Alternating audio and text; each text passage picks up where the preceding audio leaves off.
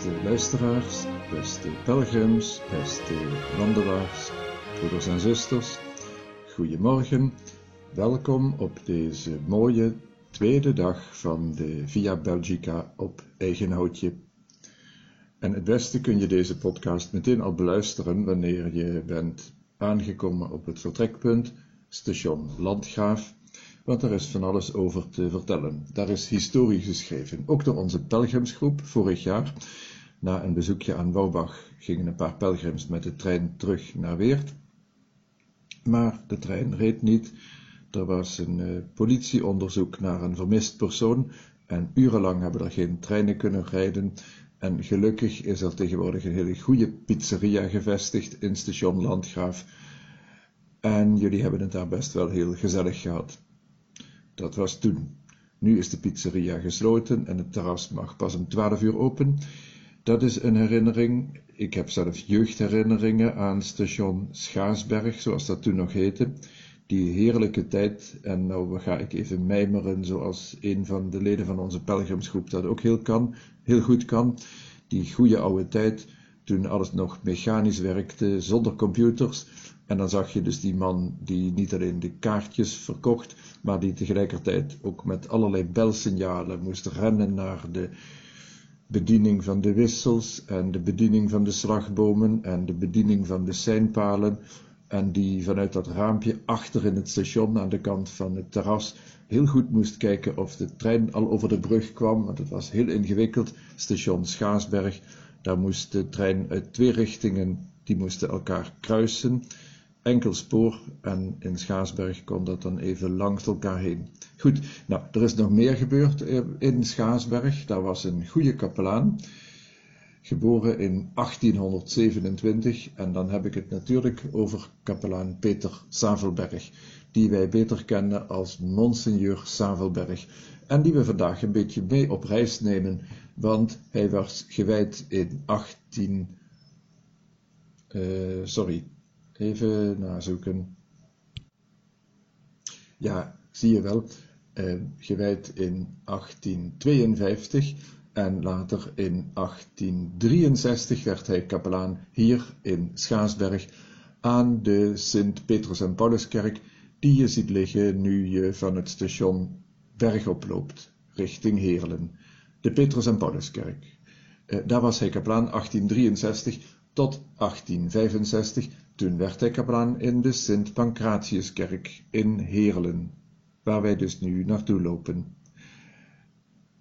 Hij loopt dus eigenlijk met ons mee op deze dag. En om meerdere redenen. Niet alleen omdat hij dus in 1865 diezelfde route gelopen is, of misschien heeft hij wel de trein naar Heerlen genomen, eh, maar ook omdat hij de stichter is van een paar congregaties, onder andere van de kleine zusters van de heilige Jozef. En daar kom ik straks natuurlijk nog even op terug.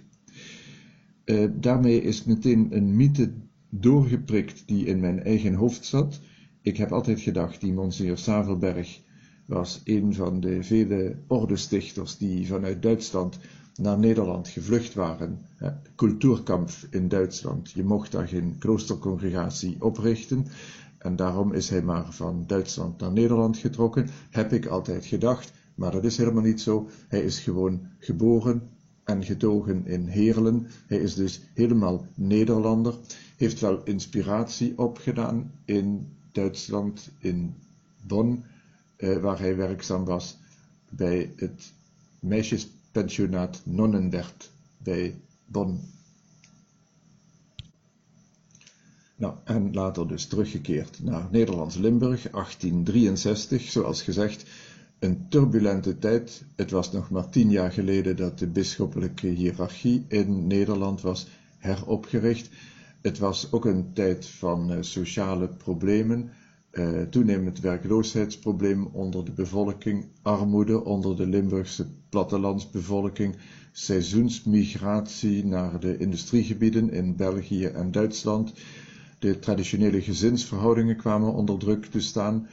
Men kwam in contact met andersoortige gezagsverhoudingen en opvattingen, alcoholisme, leegloperij, liberalisme en andere ontsporingen.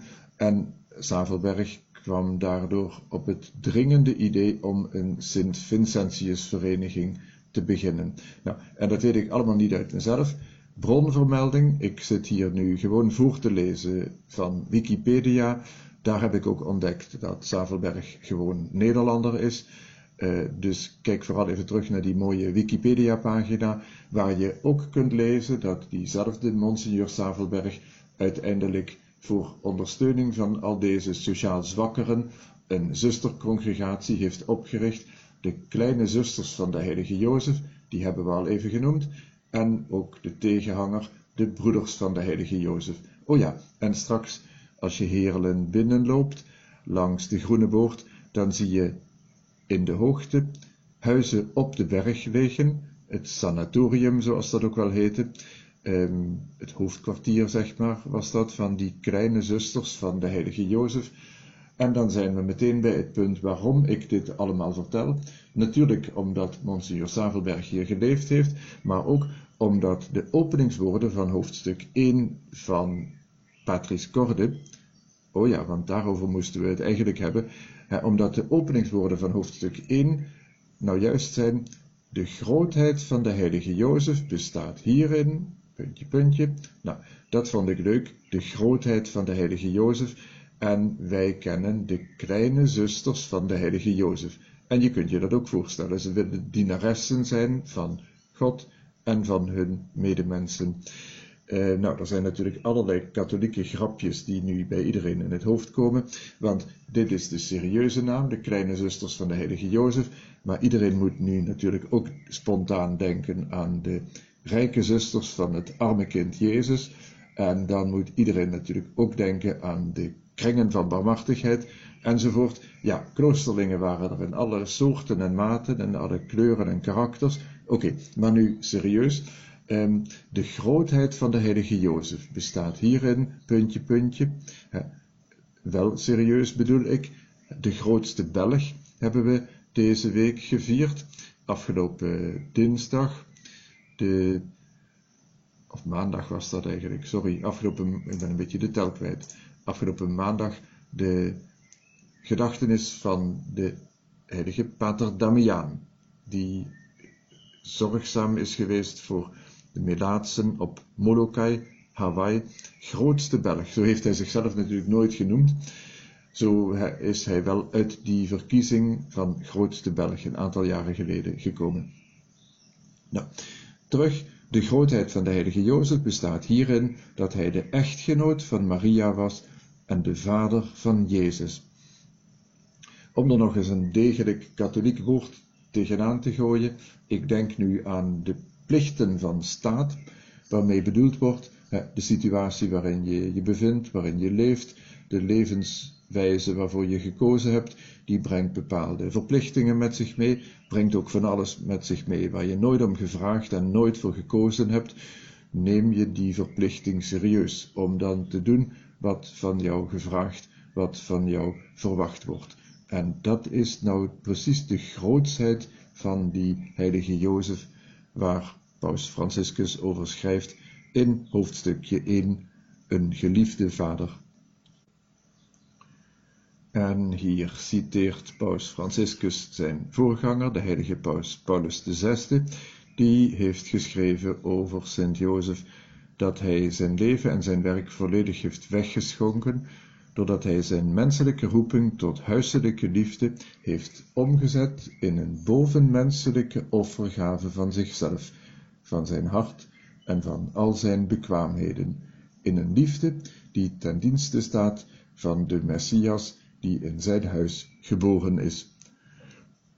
En dan zal het ook wel, zegt Paus Franciscus, dan zal het ook wel dat er over heel de wereld nog al wat kerken en religieuze congregaties en instituten aan die heilige Jozef zijn toegewijd en naar hem zijn genoemd.